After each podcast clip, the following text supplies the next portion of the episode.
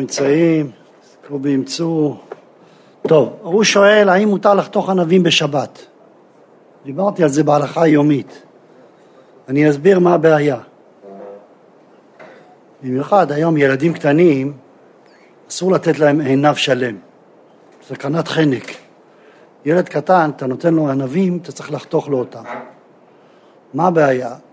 שכאשר אתה חונך, חותך עיניו, אתה מוציא מתוכו את המשקה. חייב לצאת ממנו משהו. חייב. ואם אתה מוציא משקה, אתה בעצם עובר על איסור סחיטה. אתה סוחט. אז נכון שאתה לא מתכוון, אבל זה פסיק רשה. וזה איסור תורה, זה לא איסור דה רבנן. כי הענבים שמוצאים מהם משקה זה איסור דאורייתא. יש שאלה דומה לגבי תפוזים. האם מותר לחתוך תפוזים בשבת או לא? כשאני חותך תפוז, אני מוציא מתוכו את המשקה. הוצאת משקה מתפוז, יודע, איסור דה רבנן, זה לא איסור דאורייתא.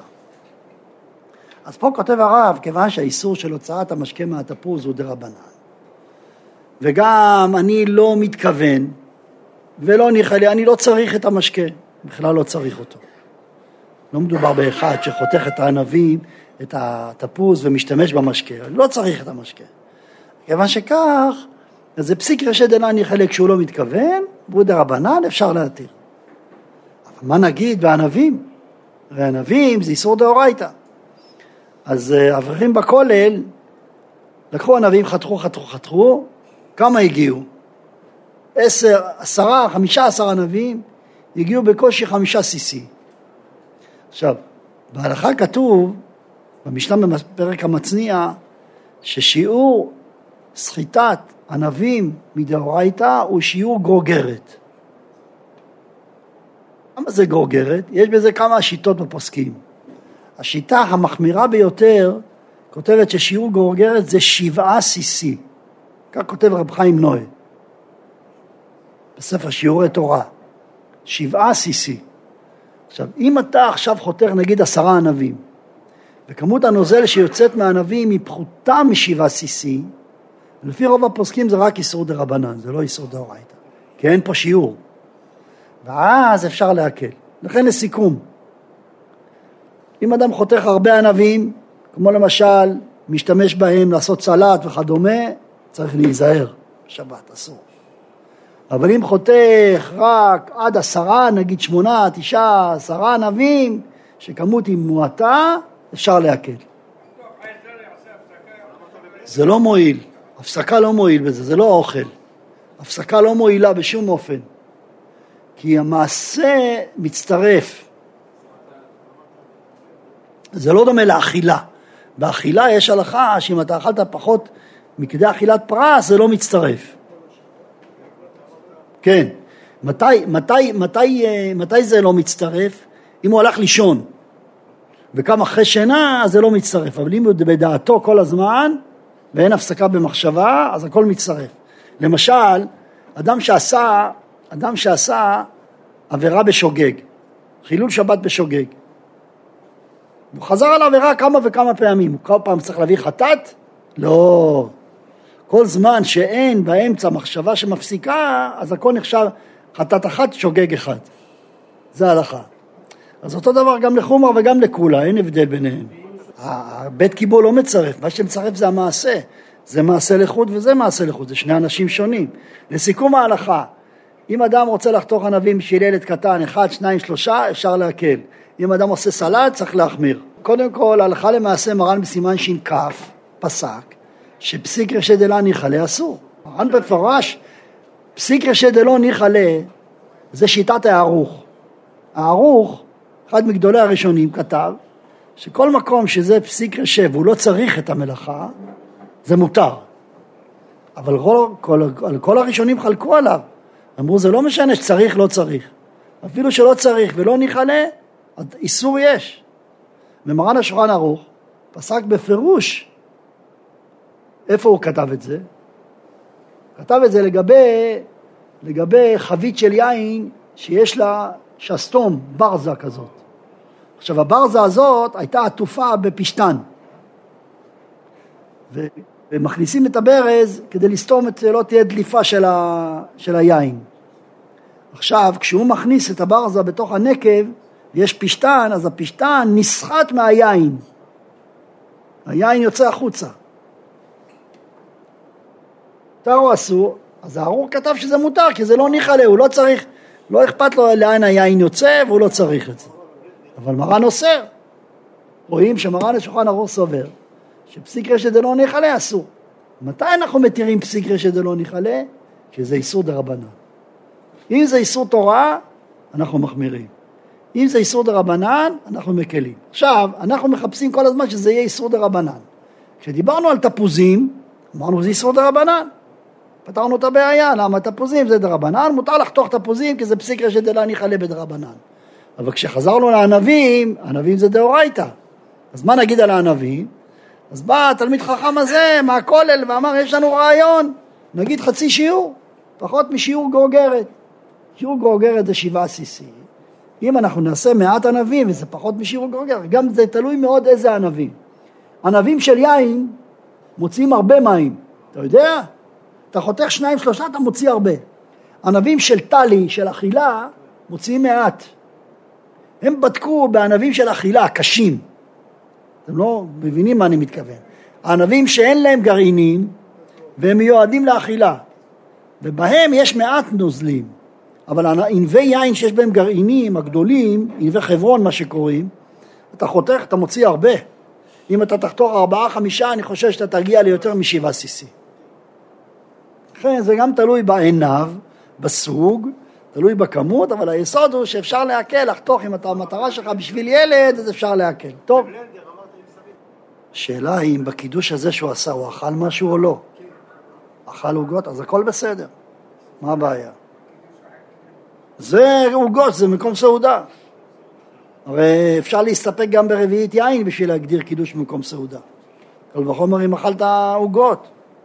זה נקרא מקום סעודה, הכל בסדר. טוב? טוב, ובכן אנחנו נמשיך הלאה בהלכות נטילת ידיים. מי ש... הלכה למעשה, מי שנכנס באמצע הסעודה לשירותים, או נגע במקומות המכוסים, חיכך בראשו במקום שהוא מזיע וכדומה, חייב ליטול ידיים נטילה גמורה עם כלי, ולדעת מרן צריך גם לברך. אדם באמצע סעודה, באמצע סעודה, יצא לשירותים, חייב ליטול ידיים עם ברכה. הלכה למעשה אנחנו לא מברכים, כך כתב כף החיים. אפילו אם יצא לצרכיו, לא ליטול ידיים כמובן, נטילה גמורה, אבל לא יברך. ספק ברכות להקל. אפילו שמרן פסק לברך, יש לנו כלל, ספק ברכות להקל אפילו נגד מרן. ולכן מי שיצא בשירותים באמצע סעודה, יצא החוצה, ייטול ידיים נטילה גמורה, יעשה כך, ייקח כלי, ייטול ידיים נטילה גמורה שלוש פעמים לסירוגין, וזה יחשב לו נטילה גם לשירותים, לסלק רוח רעה, וגם נטילה לאכילה, כי זה בכלי עם מים טובים. בסדר? מאוד פשוט. אבל לא יברך, ספק ברכות להקל. יש מרבני דורנו שכתבו כמו ספר הלכה ברורה ועוד, כתב כן לברך, והוא הביא כמה ראיות, אבל אני לא מסכים איתו. הלכה, גם ראיתי גם הרב מזוז פה וגם... לא, הרב, אין לי דעת, דעתו של הרב בעניין הזה, אבל כל הפוסקים ראיתי על כף החיים, איש מצליח, וכולם כולם כתבו שאפילו אם אדם נכנס לשירותים באמצע סעודה, שנוטל ידיים, לא יברך, ספק, ברכות להקל. אם אדם נצרך לנקבה לפני הסעודה, איך יתנהג? לפני הסעודה. מה זה קשור קידוש עכשיו? לא דיברנו על קידוש. נדבר על סעודה ביום חול. עזבו עכשיו קידוש. הוא עכשיו רוצה לאכול, ויחד עם זה יש לו שירותים. אז הוא נכנס לשירותים, מתפנה ויוצא. איך יתנהג? איך יעשה? מרן השולחן ערוך כותב לעשות שתי נטילות. נטילה ראשונה של השירותים, לברך עליה אשר יצר, ונטילה שנייה של, ה... של הסעודה ולברך עליה נטילת ידיים. אבל מה הבעיה? הבעיה שאם הוא ייטול את הנטילה הראשונה של השירותים עם כלי, אז הוא לא יכול לברך אחר כך על הנטילה של הסעודה, כי סוף סוף הוא נטל עם כלי וזה מועיל לו לתאר את ידיו. למה לעשות שתי נטילות? בגלל הברכה. כי מרן יודע שיש לנו סדר של ברכות. אם אני עכשיו הייתי בשירותים אחר כך אני נוטל ידיים לסעודה, יש לי שתי ברכות לברך, אשר יצר והנטילת ידיים. איזה ברכה צריך להקדים? זו שהייתה קודם. אשר יצר הייתה קודם, היא קודמת. עכשיו, לברך אשר יצר אי אפשר, כי זה הפסק. אז יש לנו קצת תסבוכת פה. אז לכן מרן אמר, מה הבעיה? עשה שתי נטילות. נטילה ראשונה, תברך אשר יצר. נטילה שנייה, תברך נטילת ידיים, ותנגב ידיים באמצע. אבל הערתי את ההערה הקודמת. לכן הפתרון, אם אדם בכל זאת רוצה לעשות כמו מרן, הפתרון הוא פשוט מאוד. ליטול ידיים נטילה ראשונה לשירותים, לסירוגין, בלי כלי. יברך אשר יצא. ואז הנטילה הזו אינה מועילה בכלל לסעודה. למה היא לא מועילה? כי חסר כלי, הרי אמרנו, נטילת ידיים לסעודה בלי כלי היא לא מעלה ולא מורידה. אבל מצד שני, לשירותים היא, מעלה, היא מועילה מאוד. לכן, אם אדם רוצה לעשות כדברי מרן, יעשה כך. ליטול ידיים, נטילה ראשונה בלי כלי, שלוש פעמים לסירוגין, לסלק רוח רעה, ויברך אשר יצר וינגב, ויחזור ויטול ידיים לסעודה. מי שקשה לו, מותר לו לעשות נטילה אחת, אבל ידחה את אשר יצר לבסוף. קצת בדיעבד, אבל גם זה אפשרי. ואז מה עושים? קשה לעשות שתי נטילות. יצא מהשירותים, כן? ייטול ידיו שלוש פעמים בכלי לסירוגין, וזאת תהיה נטילה אחת שמועילה לשניהם. לסלק רוח רעה, יש סירוגין. נטילת ידיים לסעודה, יש כלי ומים ראויים. ויברך על נטילת ידיים, ויחכה עם אשר יצר לאחר המוציא, ויעשה לעצמו סימן, הבן איש חי כתב ויעשה לעצמו סימן שלא ישכח, כך כתב הבן איש חי, יעשה סימן שלא ישכח, שלא, שחשש שישכח וכולי. זה גם אפשרות, רגע, זה גם אפשרות. ככה אני עושה. האמת שיש אפשרות נוספת גם. אפשר לברך אשר יצא גם לפני ברכת המוציא. כיוון שבאמת, אם אדם לא מסיח דעת מניקיון ידיו, מותר לו לדבר דברי תורה בין נטילת ידיים להמוציא. הרי מה אנחנו אומרים? אנחנו אומרים בשבת, למבצע על רבתה, כזה תערוך בעתה, מזמור לדוד, אומרים פסוקים וכולי. אם היה הלכה שאסור לדבר, איך, איך אומרים פיוטים? איך אומרים אה, תהילים? הרי במקום שאסור לדבר אסור לומר כלום. אלא התשובה, כל מה, ש, כל מה שאמר מרן לא לדבר זה בגדר מיות טוב. יותר טוב לא לדבר, כדי שלא יסיח דעת מניקיון ידיו. וטוב אנשים עושים שלא מדברים, אני חושב שזה דבר טוב ומנהג טוב, לא לדבר בין הנטילה להמוציא. אבל כשמדובר בדברים של צורך מצווה, אין בזה בעיה. ברכת אשר יצר היא מצווה גדולה מאוד. לכן אפשר בהחלט לברך אשר יצר. דהיינו, תיטול ידיים, תברך על נטילת ידיים, תנגב ידיים, ואז תברך אשר יצר, ואחר כך תברך המוציא. מה ההבדל בין אשר יצר לבין מזמור לדוד? אין הבדל, הפוך, יצר יותר חשוב ממזמור לדוד. טוב, בסדר גמור, בבקשה, כן. שואל, מה הדין אם אדם גמר עכשיו לאכול ויצא לשירותים ועכשיו יש לפניו שתי ברכות, ברכת אשר יצר וברכת המזון. מה יברך קודם? אבל אולי נגיד שברכת המזון יותר חשובה כי היא דאורייתא. יש, מה זה משנה? יש מושג שמשנה, אין מעבירין על המצוות. יש דיונים גדולים בפוסקים שיש לפניי שתי מצוות, איזו מצווה הוא יבחר ראשון. יש הלכה שאין מעבירין על המצוות.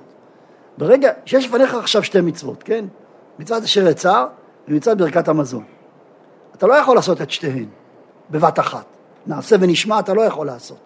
אתה יכול לעשות או זו או זו. עכשיו, ברגע שאתה מניח מצווה אחת, אתה בעצם דוחה אותה הצידה. אתה, אז ודאי שיש עניין של סדר עדיפות. החשיבות גוברת על הכל. לכן אתה צריך לקחת את המצווה החשובה ביותר. לכאורה, לפי הכלל שבידינו, דאורייתא ודרבנן, דאורייתא קודם. אפילו שאשר יצר היה קודם, היה קודם, בוודאי שברכת המזון גוברת. למשל, אותה שאלה יש לגבי... או, בורא נפשות, מה השאלה בבורא נפשות? בורא נפשות זה ודאי לא דרבנן, לא דאורייתא, זה אפילו הפוך, אם יש לנו אשר יצר ובורא נפשות, אשר יצר גובר, למה? כי ברכת בורא נפשות, הגמרא במסכת ברכות מגדירה אותה רשות. היא, אין לה לחיוב גמור כמו ברכת אשר יצר. יש דרגה. בורא נפשות היא הברכה הכי פחות חשובה. אשר יצר, למה היא נקראת רשות? ככה הגמרא קוראת לה. רשות. טוב, נחזור לענייננו, אשר יצר חשובה יותר, ברכת המזון חשובה יותר. גם על המחיה חשובה יותר מאשר יצר. למה? כי לפי רוב הראשונים, ברכת על המחיה היא דאורייתא, נכון? רוב הראשונים סוברים שברכת מעין שלוש היא דאורייתא.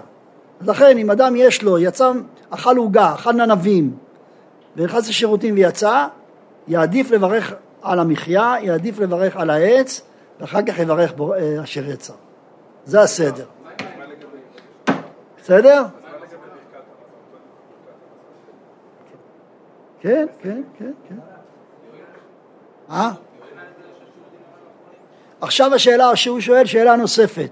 מה עם מים אחרונים? האם אותם מים אחרונים מועיל גם, האם הנטילה שהוא נוטה לשירותים מועיל למים אחרונים או לא?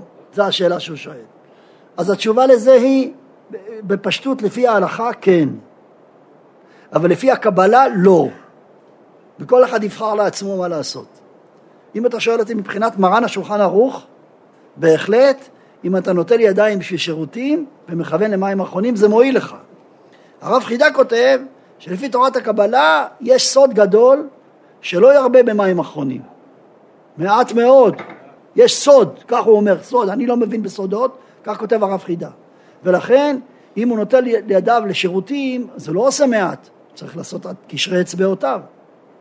ואז איפה המעט? לכן צריך לעשות פעמיים. פעם אחת הרבה בשביל השירותים, לנגב, ופעם אחת מעט בשביל, רוח, בשביל העניין הזה של מים אחרונים. אבל מי שלא, מי שלא חושש לה על הקבלה, יעשה כדברי מרן, אין לו בעיה, מה, גם מרן טוב, לא חסר לנו מה, חסר לנו... עכשיו שאלה שלישית, רביעית, חמישית, שישית, אנחנו עובדים היום משאלה, הכל זה נקרא קשר אסוציאטיבי. ראיתם לאן אנחנו מבינים, עוד מעט להגיע לחוש המשפט ויורד דעה. אבל הוא שאל שאלה טובה, האם אפשר ליטול מים אחרונים על, על ידיים נקיות? אז נעשה סדר. קודם כל, למה צריך מים אחרונים? ישנם שני טעמים. טעם אחד, טעם אחד, מלח סדומית. טעם שני, אין לנו היום מלח סדומית, בשביל ניקיון ידיו. אדם לא יפה שהוא יברך ברכת המזון כשידיו מלוכלכות בשאריות מזון, לא יפה. יש לך בידיים שומן של עוף ואתה מברך ברכת המזון. איפה דרך ארץ?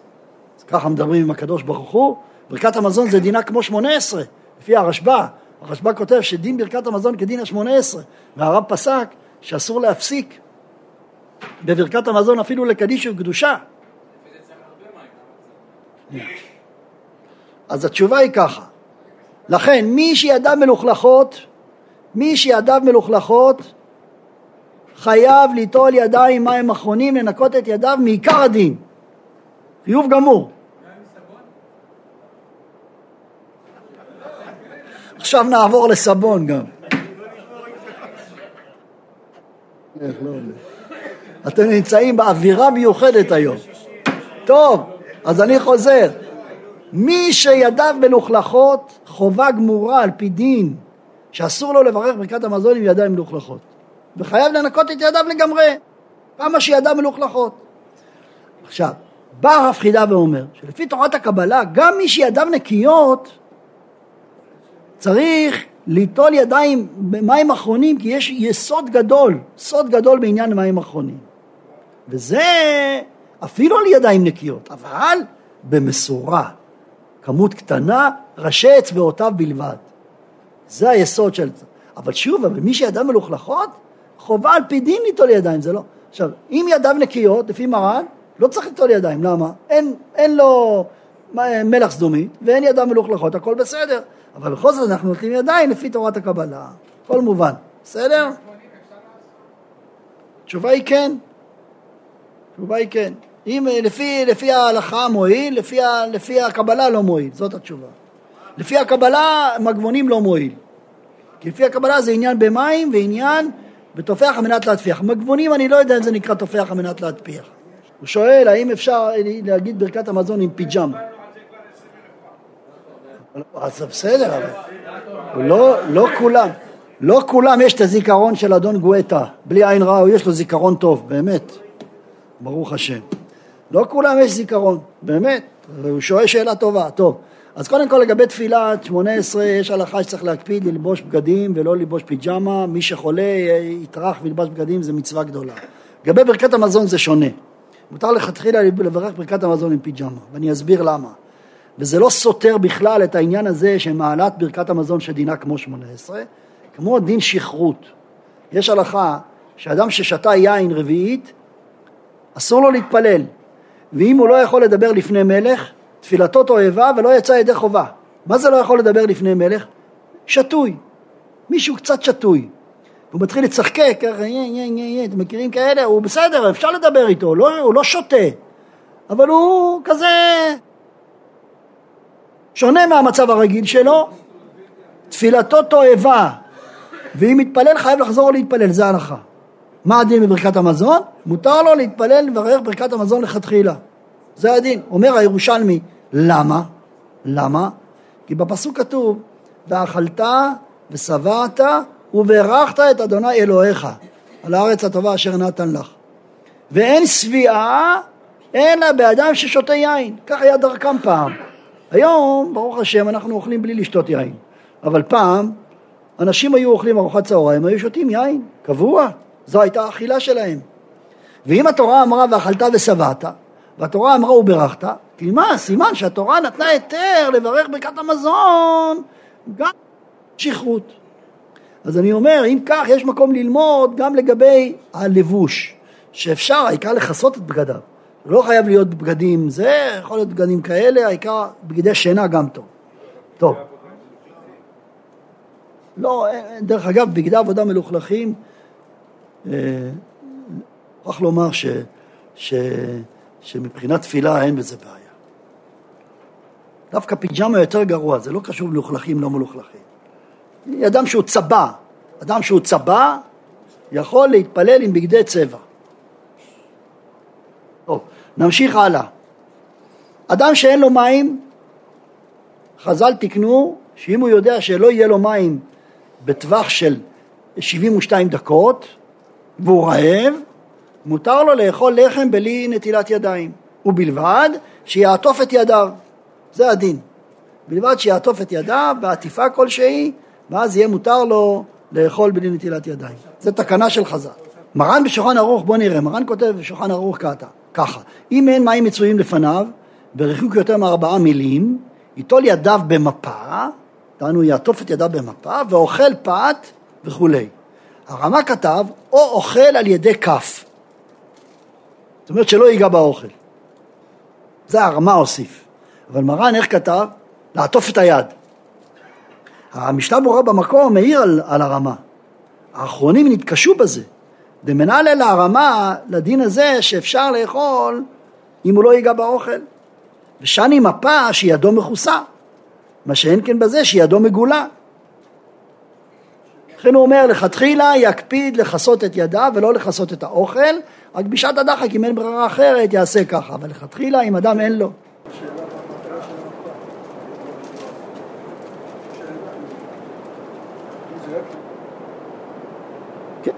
מבין, אני מבין, אבל אחרי הכל זה לא כתוב בחז"ל, אין לזה מקור. בגמרא כתוב מכסי ידיו, מכסי ידיו, ייטול ידיו. טוב, נו, הלכה, חז"ל אמרו לא פלוג רבנן, ומי שמאכיל את חברו באוכל של לחם, חברו שאוכל חייב ליטול ידיים, אפילו שחברו לא נוגע באוכל. זו תקנה של חז"ל, ולא תקנו חז"ל, לא פלוג רבנן, לכן אדם שמאכיל הוא עצמו פטור, אפילו שהוא נוגע באוכל. אבל האדם שאוכל חייב, לא פלוג רבנן. טוב? טוב, כן. נכון, נכון מאוד. טוב, אה, יש לנו עוד הלכה בשעת הדחק, שאדם שיודע, אדם יודע שהוא עתיד לנסוע למקום רחוק ולא יהיה לו שמיים, הוא יכול ליטול ידיים בבוקר, נטילה גמורה לסעודה, ולברך על נטילת ידיים, ולשמור ידיו בנקיות כל הזמן הזה, ואז הוא יכול לאכול בלי נטילה. כל זמן שהוא לא ישן, כל זמן שהוא שומר ידיו בנקיות. ואם קשה לו לשמור ידיו בנקיות, יעטוף ידיו בכפפה. אם יעטוף ידיו בכפפה, כל הזמן הזה, זה נקרא שהוא שמר ידיו בנקיות. כי ידיו לא נגעו במקומות המכוסים. ידיו לא נגעו במקומות המכוסים, ולכן זה מועיל. לכן, זה כמו שאמרנו קודם, הלכה למעשה, שזה אפשרי. נוטל אדם שחרית, הוא מתנה עליו, עליהם כל היום, אפילו שלא בשעת הדחק, ובלבד שלא יסיח דעתו מהם. ואחר כך אם פתאום היה לו מים, פתאום הגיע למקום ויש מים, אז ייטול ידיו, אבל לא יברך. למה לא יברך? כי הוא שמר ידיו בנקיות. אם הוא שמר ידיו בנקיות, זה מועיל לו. סוף סוף זה מועיל. רק שנייה, רק שנייה, שנייה, שנייה אחת. וזה מועיל לו שהוא שמר ידיו בנקיות. ולכן בכזה מקרה, אמנם ייטול ידיים כדי לקיים את המצווה, אבל לברך הוא לא יכול. למה לברך הוא לא יכול? כיוון שהוא יצא ידי חובה של הנטילה בבוקר. טוב. זה צרכה ורוצה לאכול, דיברנו. האדם שהתפנה, אדם שהתפנה בדרך, כן? אם יד... כן, כן, כן. אז מעיקר הדין, אם הוא ידיו נקיות, אין לו רוח רעה. די. כי הוא לא נכנס לשירותים. אמרתי שאם ידיו נקיות. מה אתה אומר לי מידי דמנקי? כל אדם יודע אם ידיו נקיות או לא. אם ידיו נקיות, אז הוא יכול לברך. אם ידיו מלוכלכות, צריך לנקות את ידיו. איך מנקים את הידיים? כל אחד יודע. או עם מים, או עם סבון, או עם... אה, זה, כל אחד, אבל צריך לנקות. אסור לברך בלי שידיו נקיות. אבל ודאי שלא צריך שלוש פעמים, בגלל שאין רוח רעה. הרוח רעה באה רק כאשר נכנסים לשירותים. יש לנו כמה הלכות בעניין, אה, אז קודם כל שאלו אותי ואני אגיד את הדבר הנוסף. אחרי כל ההלכות שלמדנו בנטילת ידיים, כל הדינים של נטילת ידיים, למדנו הרבה דינים, שאלו האם נטילת ידיים של כהן דומה לנטילת ידיים לסעודה וצריך בה את כל הדינים של נטילת ידיים לסעודה או לא? התשובה היא, זה נושא באחרונים, ורוב הפוסקים מעלים שכן, שדין נטילת ידיים של כהן שווה לדין נטילת ידיים לסעודה. וכל הדינים שנאמרו בנטילת ידיים לסעודה חלים על נטילת ידיים לכהן. והם, בקיצור, דין מים שלא ישתנו מריתם, שלא יעשה בהם מלאכה, שלא יהיו שופכים, שיהיו מים ראויים לשתייה, כלב. ודין כלי שלא יהיה בו נקב. ואם אין כלי, הכהן לא ייטול ידיים ולא יעלה, ולא יעלה לדוכן אם אין כלי. ואחרון, כוח נוטל, שיהיה כוח גברא ששופך לו על היד. ואם אין כוח נוטל, לא יעשה, נטילה, לא יעשה נשיאת כפיים. ולמדו את זה מאיפה? הרמב"ם כותב שדין נשיאת כפיים כדין עבודה, וכמו שהכוהנים היו מקפידים ליטול את ידיהם לפני שהם היו עובדים במקדש, כך תקנו לכהן שצריך ליטול ידיו לפני נשיאת כפיים. וזה דין כמו, כמו עבודה במקדש. ו... זה קשור ללוי? מה זה קשור? יעשה את כל הדינים האלה שאמרתי. של עצמו, כמו שהוא נוטל ידיים לסעודה. כשהוא נוטל ידיים לסעודה צריך לוי? אבל הכוונה שצריך כוח נוטל. מה זה כוח נוטל? לאפוקה, לאפוקה אם אדם, זהו. אם אדם עושה, רק שנייה אחת, הפוק הזה ש, שיש לנו איזה ברז שיוצא מאליו, מים שנשפכים מעליהם על ידי מכונה או על ידי רובוט וכדומה, זה לא מועיל. זה נקרא כוח נוטל. בקיצור, ואיפה לומדים את זה? לומדים בפסוק, שאו ידיכם קודש וברכו את השם. שאו ידיכם. כשהכהן בא לשאת את ידיו, לברך, קודש. מה הכוונה קודש? קדש ידיך. קודם כל תקדש את הידיים, ואחר כך ברכו את השם. זה הגמרא לומדת. מזה למדנו שצריך נטילת ידיים, ולפי הדין הזה דין נטילת ידיים הוא כדין נטילת ידיים לסעודה, צריך ממש נטילת ידיים לכל דבר ועניין, עם כל הדינים הללו שנאמרו פה קודם. בסדר? כן, בבקשה, נו נו.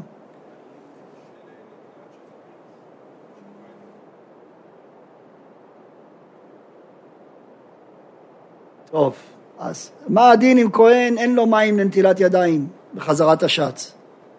אז הרמב"ם כותב, הרמב"ם כותב ש... שכהן לא חייב ליטול ידיים קודם ויכול לסמוך על נטילת ידיים שהוא עשה בשחרית. רוב הראשונים חולקים. הפוסקים אמרו שבשעת הדחק אפשר לסמוך על הרמב"ם בזה, בלבד שלא הסיח ידם מניקיון ידיו, שלא הסיח דעתו מניקיון ידיו.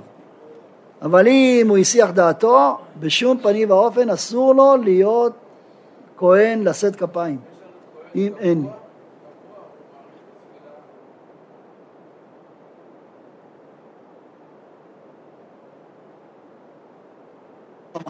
שלו. הוא כנראה, נוטל ידיים בבוקר וחושב בנטילה על הנטילה הזו, או אפילו אני הייתי אומר יותר דווקא בגלל שהוא מעריך בתפילה והוא כזה צדיק, הוא יודע הלכות, הוא יודע הלכות, הוא גם נוטל ידיים מיוחד לפני התפילה וחושב שזו הנטילה בשביל נשיאת כפיים, שזה מועיל גם לפי כל הפוסקים, לא חייב שזה יהיה סמוך, ושומר ידה בנקיות.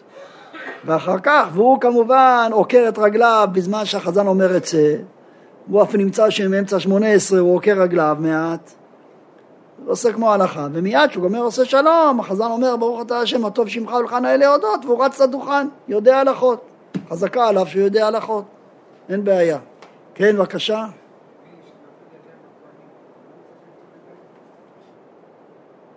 יש נהגו בזה, אבל לא, לא חובה, לא חובה. למה? למה יש כאלה שנהגו? בגלל שטוענים שזה גם כן עבודת המקדש, זה עבודת הלוויים. טוב, זה חסידות. אתה שואל אותי אם חובה, זה לא חובה.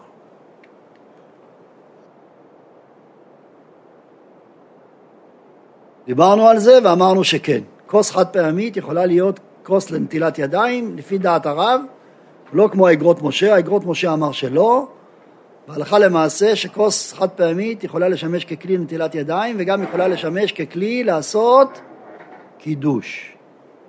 לפי האגרות משה אי אפשר לעשות קידוש בכוס חד פעמית. בסדר? כי צריך כוס חשובה, כלי חשוב, כמו בנטילת ידיים וגם בקידוש, והרב עליו השלום כתב שכלי חד פעמי מוגדר ככלי, ככלי לכל דבר ועניין ואפשר לעשות בו קידוש ואפשר לעשות בו נטילת ידיים. ומדברי הרב יוצא חומרה, מה החומרה שיוצא מהרב? שתבניות חד פעמיות מאלומיניום חייבות טבילה, כי זה נקרא כלי לכל דבר. ולפי האגרות משה פטורות מטבילה, למה? כי זה לא כלי. רבי עתליה, זאת אומרת זה חומרה וכולה לשני הצדדים. בסדר? בלי ברכה, נכון מאוד. אה, אמרתם טוב. בסדר? יפה, אה? שיעור מעניין היום. בסדר, אין דבר, אין דבר, ניתן להם ככה. שבועיים לא הייתי, אפשר להרגיש את זה. האם אפשר ליטול ידיים במים חמים? אז התשובה היא... הבנתי, הבנתי, הבנתי, הבנתי הכל, נו, אני אסביר. אז התשובה היא ככה, אם זה מים שהיד צולדת בהם, ממש גורמים כווייה, אי אפשר ליטול ידיים.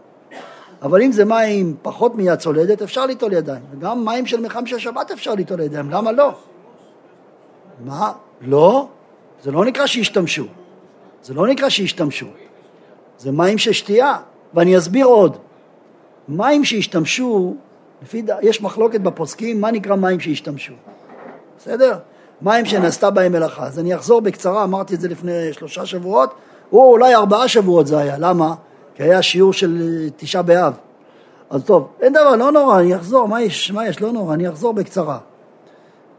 בגמרא במסכת גיטין, הגמרא מדברת על מי חטאת, והגמרא כותבת, בשם המשנה במסכת פרה, שאם היו מי חטאת שבתוך המי חטאת האלה שמו את האפר פרה אדומה, ולקחו את המי חטאת האלה והשתמשו בהם כמשקל לשקול דברים אחרים, כל המי חטאת האלה נפסלו וצריך להשליך אותם.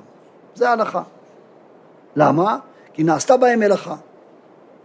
אז יש מגדולי הפוסקים, כמו חיי אדם ועוד, שאמרו שכיוון שמרן השולחן ערוך כתב שמים שנעשתה בהם מלאכה אינם ראויים לנטילת ידיים, יוצא שגם בנטילת ידיים יהיה אותו דין. שאם יש לך עכשיו מים של נטילת ידיים שיש בהם נגיד מידה, כמו למשל בקבוק שתייה ליטר וחצי, ואתה לקחת את הבקבוק שתייה של ליטר וחצי, העמדת אותו על המאזניים, שישמש משקל נגד כנגד המשקל שאתה רוצה לשקול בצד השני של המאזניים, כן? ואז שקלת אפרסקים במשקל של קילו וחצי כנגד הליטר וחצי, לפי שיטת החיי אדם, המים האלה פסולים לנטילת ידיים. למה? כדין מי חטאת. אבל הרב עליו השלום מביא מהרמב"ם, שהרמב"ם כותב מים שנעשתה בהם מלאכה נפסלו נטילת ידיים לפי שנעשו כשופכים. זה הלשון ברמב"ם. ומה הרמב"ם מדבר? על הספר. ספר שיש לו מים שהוא טובל בזה את כליו. הוא מסרק את האדם עם, המס...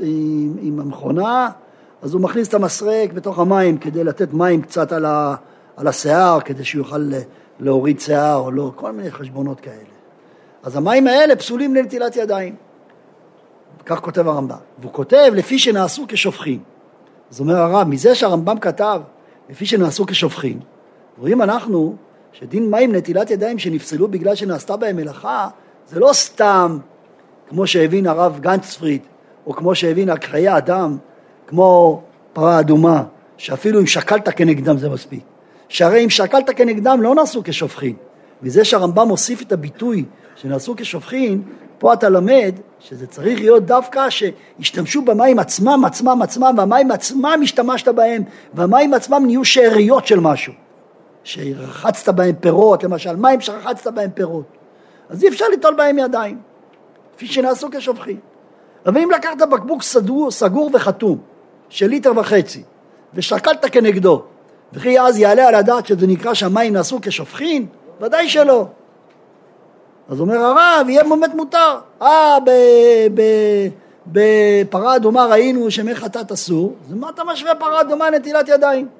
פרה אדומה זה דאורייתא, נטילת ידיים דרבנן, אפשר להקל. אז יש לנו פה מחלוקת בפוסקים, והלכה למעשה אנחנו פוסקים כדברי הרמב"ם, כמו שכתב הרב, שכל העניין של מים שנעשתה בהם מלאכה, הכוונה שהשתמשו בגופם של המים ממש ונעשו כשופכים. למשל, מים של בריכת שחייה.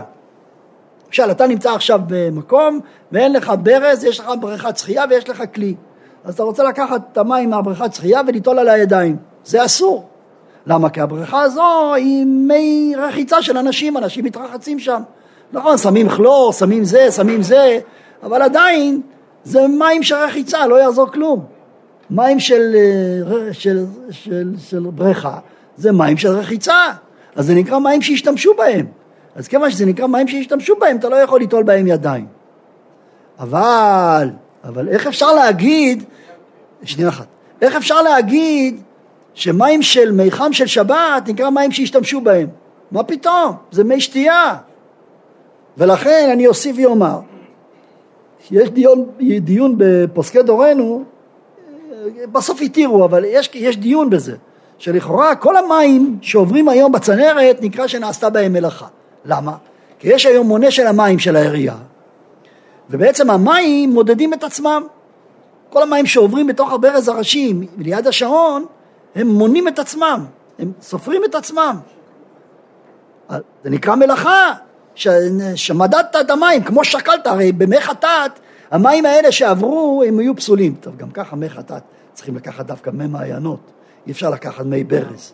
אבל ברור שאם תאורטית דבר כזה, שהיו, מים שהיו עוברים בתוך, אה, אה, בתוך אה, שעון מים של העירייה, לא ראויים למי חטאת, כי הם נקראים מים שנעשתה בהם מלאכה מבחינה זו.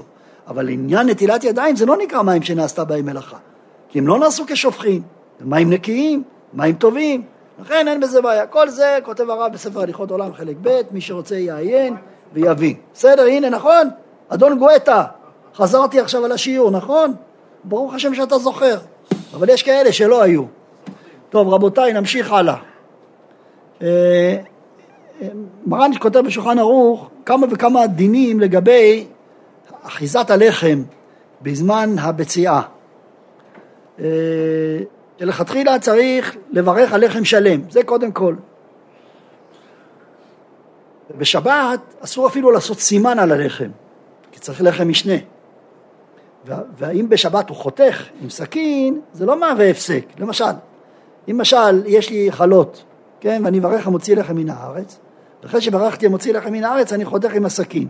זה לא מהווה הפסק, למה? כי זה צורך אכילה. אבל למה שלא תעשה את זה קודם? תחתוך בסכין קודם. התשובה היא פשוטה, כי אם אני אחתוך בסכין קודם, זה לא יהיה לחם משנה.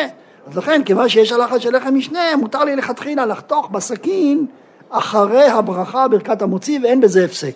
לכן אני יכול לברך המוציא לחם מן הארץ עכשיו. מה שאמרת לעשות סימן זה ביום חול. בשבת אפילו סימן לא צריך לעשות. כלום. לחם צריך להיות שלם לחלוטין כדי שזה ייקרא לחם משנה, ואני מברך המוציא לחם מן הארץ על לחם משנה, ואחר כך אני חותך ובוצע. כנ"ל אותו הדבר, כנ"ל אותו הדבר לעניין קידוש. קודם כל, אתם צריכים לדעת, ודיברתי על זה כמה פעמים, רש"י במסכת עירובין דף נ' כותב שהפסק בין הברכה לאכילה או הפסק בין הברכה למצווה זה לא רק בדיבור, זה גם במעשה. כך כותב רש"י. לפי רש"י, אם אדם עשה, עשה מעשה מיותר שלא לצורך המצווה, בין הברכה למצווה, חייב לחזור או לברך. למשל, אביא דוגמה.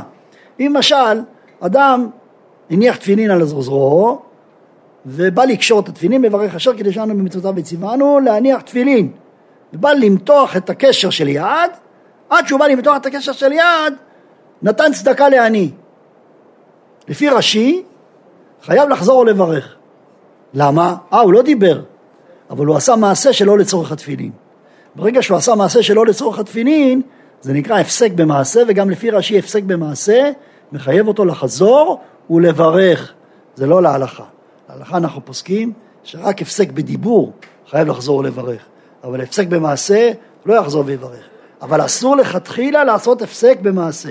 ולכן דן מרן השולחן ערוך אם, אם מותר לחתוך או אסור לחתוך. אבל כל דבר שהוא צורך המצווה, ודאי שזה לא נקרא הפסק במעשה. אני חותך. אביא דוגמה נוספת, בקידוש. אנחנו גומרים לעשות קידוש, את הקידוש אנחנו עושים מיושב, מאומץ, סליחה. אבל תואמים מהיין מיושב. אז מה קורה? אני אמרתי, ברוך אתה השם, מקדש השבת, כן? ואני רוצה לשבת, אבל הכיסא רחוק, אני רוצה להביא את הכיסא, אני מביא את הכיסא ויושב. עשיתי מעשה, לכאורה, ועדיין לא שתיתי, עשיתי מעשה, אבל התשובה זה מותר, למה זה מותר? כי זה צורך העניין שלנו, כי זה קשור, זה לא רק צורך מצווה, אלא צורך העניין, אנחנו עוסקים בזה, זה חלק ממצוות הקידוש, חלק ממצוות הקידוש זה לשתות מיושב. כיוון שזה חלק ממצוות הקידוש, זה מותר ואין בזה הפסק. אבל למשל, לתת צדקה אסור בשום פנים ואופן. למה? כי זה שלא חלק מהמצווה. ואם אדם נתן צדקה, בדיעבד לא יחזור ויברך. אבל אם הוא דיבר, יחזור ויברך. אני אומר אותו דבר, רק שנייה, אני אגיע אליך. יש, יש, אותו דבר אני תמיד אומר, יש, יש היום משפחות שהן מסטניסיות, לא רוצות לטעום מהכוס של הקידוש של, של המקדש, כן? אז, אה, אבל יש להם פטנט, יש היום כמין גביע כזה ששופכים וזה מחלק לכל הכוסיות שמסביב.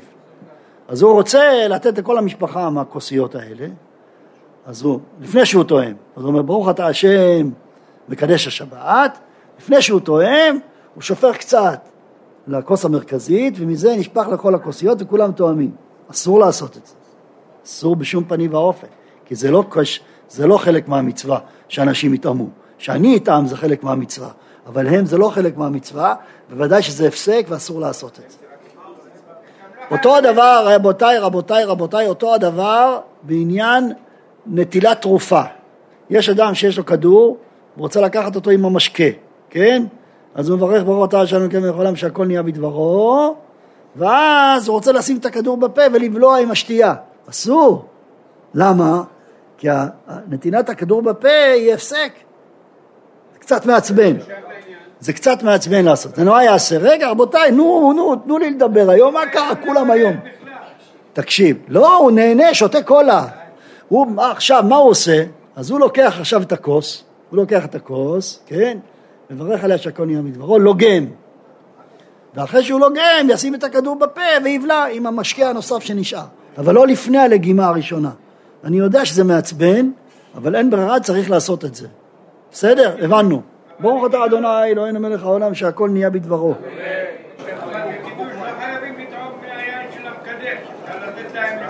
מה שיעשו יעשו, אבל מה שאמרתי שאסור זה אסור. אם אתה שואל אבל, העניין הוא, אם אתה שואל מה יש עניין, יש עניין לשתות מהכוס של המקדש.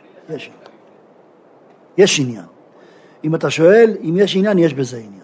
ולכן, אם רוצים לצאת ידי חובה להדר במצווה, אז ברור שיש עניין לשתות מהכוס שברכו עליה. אבל אם אתה נותן לפני שברכו עליה, זה לא כוס של ברכה. כך אנחנו עושים באמת בבית, אבל זה סתם משהו סמלי. זה לא כוס של ברכה. העניין של כוס של ברכה, שברגע שברכתי על הכוס, היין הזה קיבל חשיבות, כי ברכו עליו ועשו את הקידוש עליו. ואתם יודעים שאני נוהג באופן אישי, ואני אמרתי לכם את זה גם כמה פעמים בשיעור, שאם אנחנו עושים הבדלה וקידוש ונשאר לנו מעט יין, אז אני לא, אני לא זורק לכיור, אני מקפיד לא לזרוק לכיור, אלא אני שופך את זה בעציצים או בגינה, לא, או מתקן, כן, אבל למה לא לזרוק בכיור? לא בגלל שאני מתקמצן, בגלל ש... לא, בגלל בל תשחית, לא, אין בל תשחית, מותר לזרוק בכיור. בגלל שהכוס של הקידוש יש לו דין של מצווה, שירא מצווה. ושירא מצווה אסור לבזות אותם. וכאשר אתה זורק אותו לכיור, אין לך ביזוי גדול מזה. כי בכיור זה, זה ממש ביוב. כיור זה ביוב. כמו שביעית, אותו דבר. ולמה? אם אני לקחתי עכשיו כוס ועשיתי קידוש עליו, אז כל, כל היין הזה הוא היה אובייקט של המצווה לקידוש. היין, ודאי.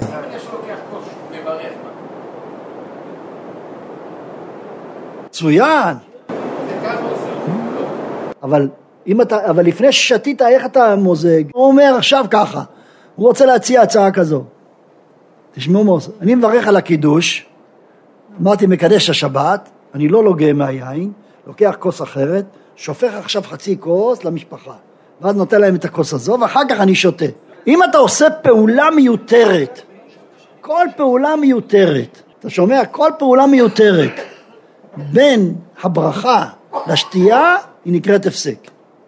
כל פעולה שהיא לא צורך המצווה שלך. עכשיו, ברגע שאתה עושה פעולה בשביל המשפחה, זה לא פעולה של המצווה שלך, זה נקרא הפסק. אז למה זה מותר?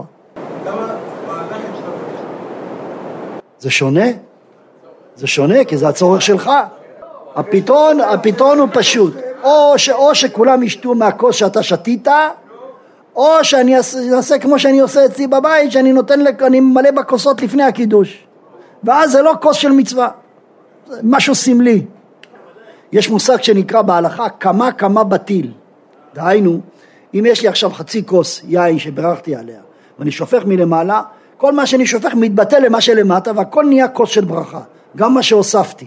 כמה כמה בטיל. אתה יודע, ביין של האדמו"רים אומרים את זה. האדמו"רים מברכים על כוס אחת, יש להם אלף חסידים, כולם רוצים לשתות מהיין של האדמו"ר. אז איך הם עושים? מביאים עשרה, שלושים, ארבעים, חמישים בקבוקים, כן? ועושים כמה כמה בטיל, הכל מקבל דין. כמו שהיו עושים. ביין של רב חיים קניאבסקי של הסיום.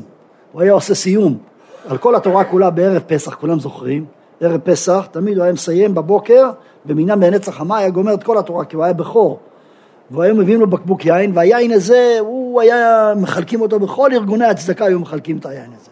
היה מגיע לאלפי, עשרות אלפי בקבוקים. איך הגיע עשרות אלפי בקבוקים מבקבוק יין אחד? בקבוק יין אחד היה לו, היו עושים שיטה הזאת. יין של הסיום, היו מחלקים לך בקבוק, כתוב עליו יין סיום של רב חיים קניאבסקי. הוא, ש... הוא עשה יין, בקבוק אחד הוא עשה. טוב, בסדר גמור. תראו לאן הגענו היום. עברנו את כל התורה כולה. בבקשה. עוד שאלה אחרונה, בזה נסיים. שאלה אחרונה, כן. ועושים קידוש. כאלה שמגביהים זה לא טוב. הנה, זה השאלה שלו. זה, אני רוצה להגיד, אם כל בני המשפחה מקבלים קצת, קצת יין בכוס, ואדם חושב שהכוס היין שלו זה הכוס של הקידוש והוא מצטרף לקידוש של המקדש זה לא טוב, למה? כי כוס של ברכה צריך כמה תנאים, קודם כל שיהיה רביעית, ב' צריך שהוא יהיה מלא, זה לא, זה ביזיון, זה ביזיון גדול לקחת כוס עם טיפה אחת ולחשוב שהיא הכוס של הברכה. איפה על כוס יין מלא כברכת השם? אני כבר לא מדבר על כך שכל אלה שמקפידים ש, שכל היין יישפך מכל הצדדים, אני לא עושה את זה. אבל כוס יין מלא צריך שיהיה מלא, לא ריק. כוס יין ריק זה ביזיון למצווה. לכן ברור שאתה, כשאתה מצטרף לבעל הבית, אתה מכוון שהכוס של הברכה זה הכוס של בעל הבית שהוא מלא. והכוס שלך זה בסך הכל משהו נספח. אין עליו, אין עליו חלות דין של כוס של, של הקידוש. אם הוא מלא זה מצוין, זה בדיוק כמו, זה בדיוק כמו בליל הסדר. אם אתה ממלא כוס נפרדת זה מעולה שבמעולים אז הכוס שלך נקרא כוס של ברכה וחל עליך דין כוס של ברכה בנפרד ואתה מצטרף לברכה של בעל הבית. אין שום בעיה בזה. טוב חזקו ואמצו לכולם. רבי חנניה בן הקשה אומר רצה הקדוש ברוך הוא לזכות